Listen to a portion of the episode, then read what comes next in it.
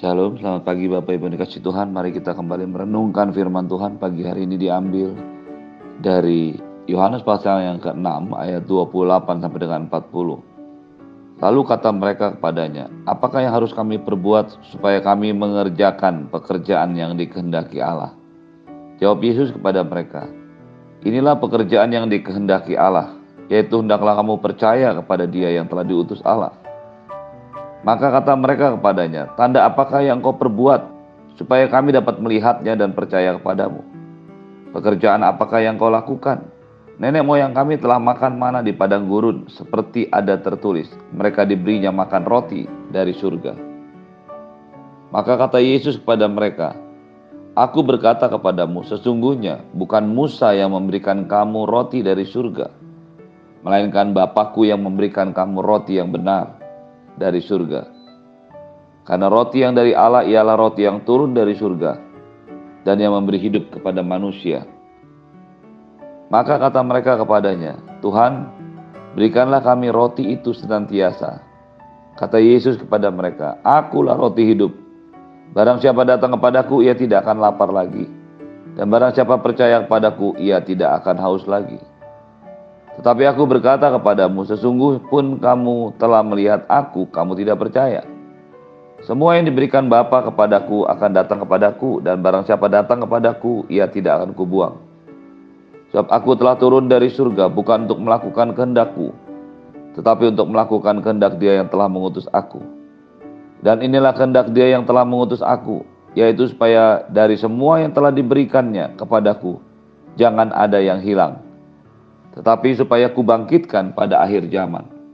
Maka heranlah ayat 40 sebab inilah kehendak Bapakku yaitu supaya setiap orang yang melihat anak dan percaya kepadanya beroleh hidup yang kekal dan supaya aku membangkitkannya pada akhir zaman. Bapak Ibu yang dikasih Tuhan, kita sudah belajar sebelumnya bahwa Allah mau setiap kita percaya kepada Tuhan.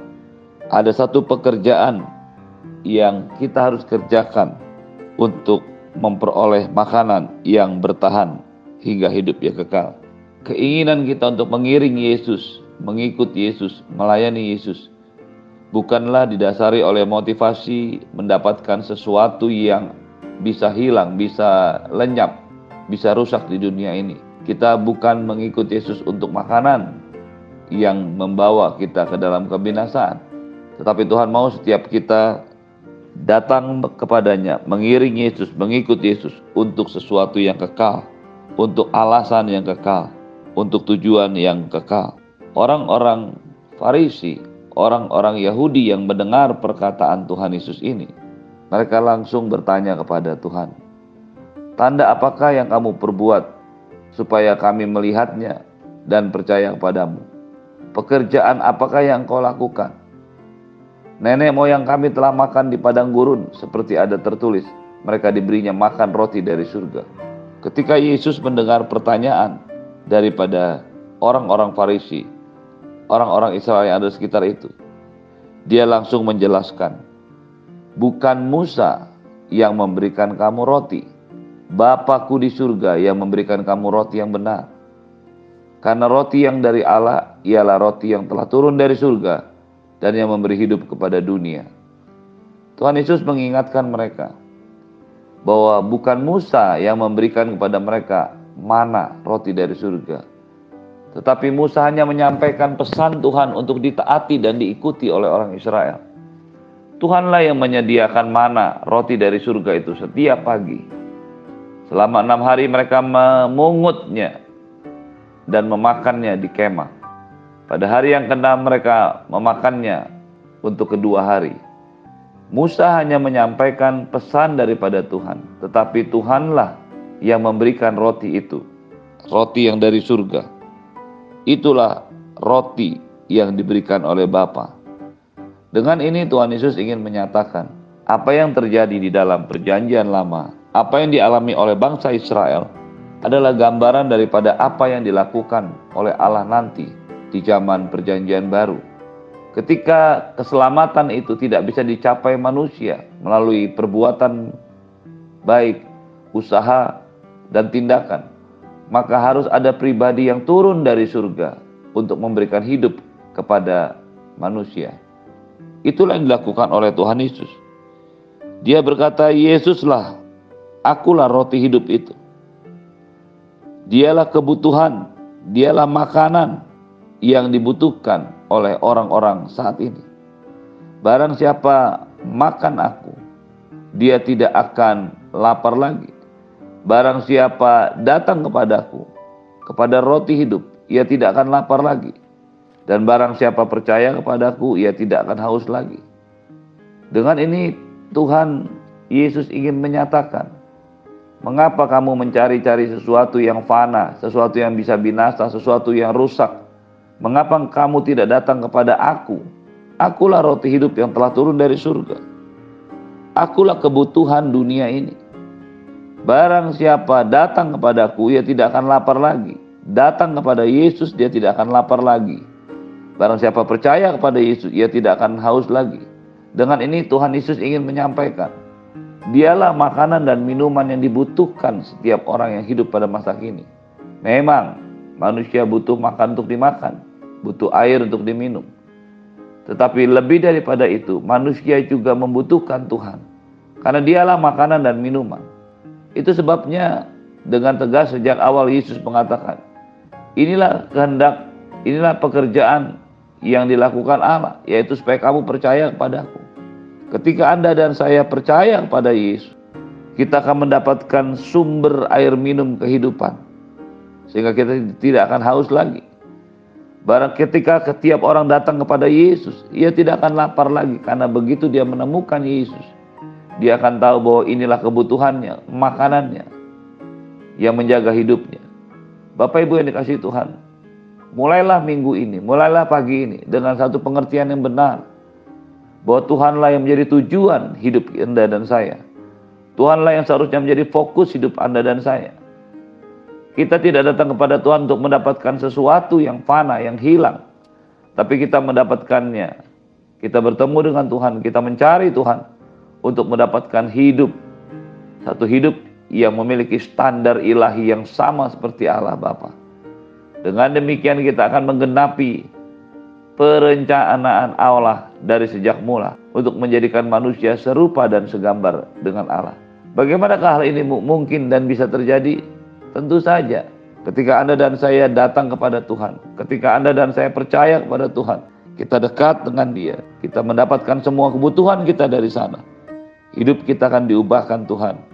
Lalu kita memberikan makanan yang sama kepada banyak orang. Yesuslah roti hidup, makanan dan kebutuhan dunia. Setiap orang yang datang tidak akan lapar lagi. Setiap orang yang percaya tidak akan haus lagi. Mengapa dia bisa melakukan itu? Karena Tuhan Yesus berkata, semua yang diberikan Bapa kepadaku akan datang kepadaku. Dan barang siapa datang kepadaku, ia tidak akan dibuang. Ketika seseorang datang kepada Yesus, dia mendapatkan makanan kehidupan. Ketika seorang percaya kepada Yesus, dia mendapatkan sumber kehidupan, yaitu air minum. Dan semua yang dikerjakan oleh Yesus menggambarkan bahwa dia melakukan kehendak Bapa. Ketika Yesus mengajar, ketika Yesus membuat mujizat, ketika Yesus membuat atau mengusir setan-setan, semua dikerjakannya oleh karena dia mentaati kehendak Bapa. Dan kehendak Bapa itu adalah supaya setiap orang datang pada Yesus. Inilah pekerjaan yang dikehendaki Allah, yaitu percaya kepada Tuhan Yesus. Ketika Tuhan Yesus melakukan kehendak Bapa, membawa setiap orang percaya kepadanya, maka dia berkata, setiap orang yang datang kepadaku tidak akan dibuang. Inilah kehendak dia yang telah mengutus aku, yaitu supaya semua orang yang telah diberikannya kepadaku, jangan ada yang hilang, tetapi supaya kubangkitkan pada akhir zaman. Tuhan menghendaki, Bapa menghendaki saat dia mengutus Yesus, setiap orang yang percaya kepadanya akan diberikan kepada Yesus, dijagai oleh Tuhan Yesus sehingga tidak seorang pun dari mereka yang terhilang. Perhatikan baik-baik Bapak Ibu yang dikasih Tuhan. Ketika firman Tuhan mengajar kita, inilah pekerjaan yang dikehendaki oleh Allah. Kata pekerjaan sendiri berasal dari bahasa Yunani, ergon, Ergon itu diterjemahkan sebagai pekerjaan tetapi dapat juga diterjemahkan sebagai bisnis, karyawan, sesuatu yang harus kita kerjakan, sesuatu yang harus kita lakukan, karena itu menjadi tugas kita. Kata ergon ini juga menyatakan kita bekerja, melakukan sesuatu, bertindak, dan merubah diri untuk mengikuti tindakan. Jadi, pekerjaan yang dikendaki Allah adalah percaya kepada Yesus. Itu merupakan sebuah tindakan yang harus dilakukan. Betul Allah telah memberikan kepada manusia anaknya yang tunggal. Betul Allah telah memberikan kasih karunia yang besar kepada seluruh umat manusia dengan memberikan anaknya yang tunggal Tuhan Yesus. Betul bahwa keselamatan itu adalah kasih karunia Allah. Tidak ada satu sedikit pun usaha yang Anda dan saya lakukan. Sehingga kita beroleh keselamatan. Tetapi ada yang harus Anda dan saya lakukan. Ada yang Anda dan saya harus kerjakan. Ergon. Yaitu percaya kepada Yesus. Ketika kita percaya kepada Yesus. Maka hal ini bukan berarti kita percaya dia. Kita tahu dia.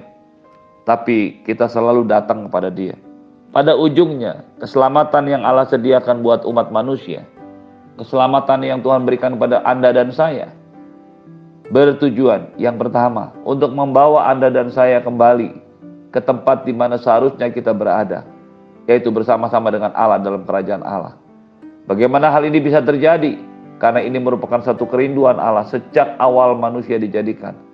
Allah mau manusia pertama Adam dan Hawa dan juga keturunan selanjutnya selalu dekat dengan dia. Itu sebabnya dia menempatkan batas-batas dalam Taman Eden. Bukan hanya untuk menunjukkan area di mana itu merupakan daerah kekuasaan mereka, tetapi untuk menunjukkan kepada kita bahwa Allah ingin satu tempat tinggal bersama-sama. Satu dunia di mana Anda dan saya tinggal bersama-sama dengan Allah. Itulah sebabnya manusia pertama diciptakan di Taman Eden Itulah sebabnya Allah mencukupi semua kebutuhan mereka. Semua yang mereka butuhkan ada di dalam Taman Eden. Dengan harapan, dengan tujuan manusia yang diciptakan Allah. Satu kali akan terus berhubungan dengan Allah. Tinggal di dalam kekekalannya Allah. Tetapi ketika manusia pertama jatuh ke dalam dosa, rencana ini menjadi gagal. Keriduan Allah yang sama tidak pernah berkurang mengembalikan manusia kembali kepada rencana Allah. Yaitu dekat dengan Tuhan, selalu bersekutu dengan dia. Inilah pekerjaan yang dikehendaki Allah.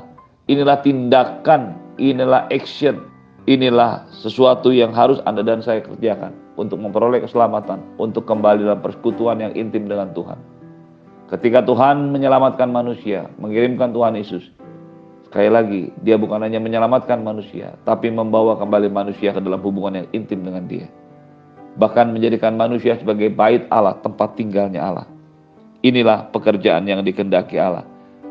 Jadi, keselamatan yang adalah kasih karunia Allah tetap memerlukan respon kepada kita, dari kita untuk percaya kepada Yesus.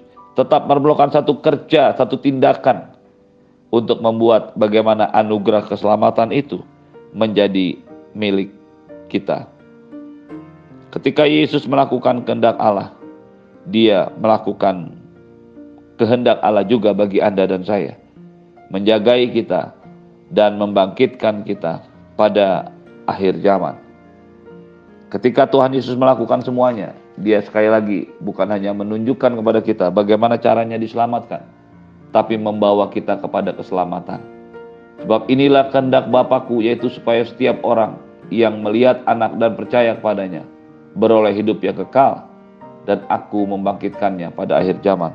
Inilah kehendak Allah membawa Anda dan saya melihat Yesus dan percaya kepadanya. Kata melihat berasal dari kata teoreo, bukan hanya melihat dengan sambil lalu, bukan hanya melihat dengan sambil memandang atau dengan ekor mata. Kata melihat itu adalah sungguh-sungguh memperhatikan, sungguh-sungguh mengalami, sungguh-sungguh bisa merasakan Yesus ada dalam hidup kita. Kita dekat, kita mendengar suaranya, kita berbicara, bersekutu dengannya menjadi sebuah tantangan buat kita. Apakah Anda dan saya sudah melihat Yesus? Tentu saja hal ini bukan berarti secara mata jasmani, tetapi Anda sudah bertemu dengan Yesus, percaya kepadanya, merasakan kebaikannya, merasakan sentuhannya hari demi hari, sehingga pada akhirnya kita akan bersama-sama dengan Dia pada akhir zaman, pada akhir daripada sejarah manusia, bahkan sampai pada hidup yang kekal. Terimalah berkat yang berlimpah dari Bapa di surga, cinta kasih dari Tuhan Yesus, penyertaan yang sempurna dari Roh Kudus, menyertai hidupmu hari ini dan sampai selama-lamanya. Dalam nama Yesusmu yang percaya katakan, amin. Shalom.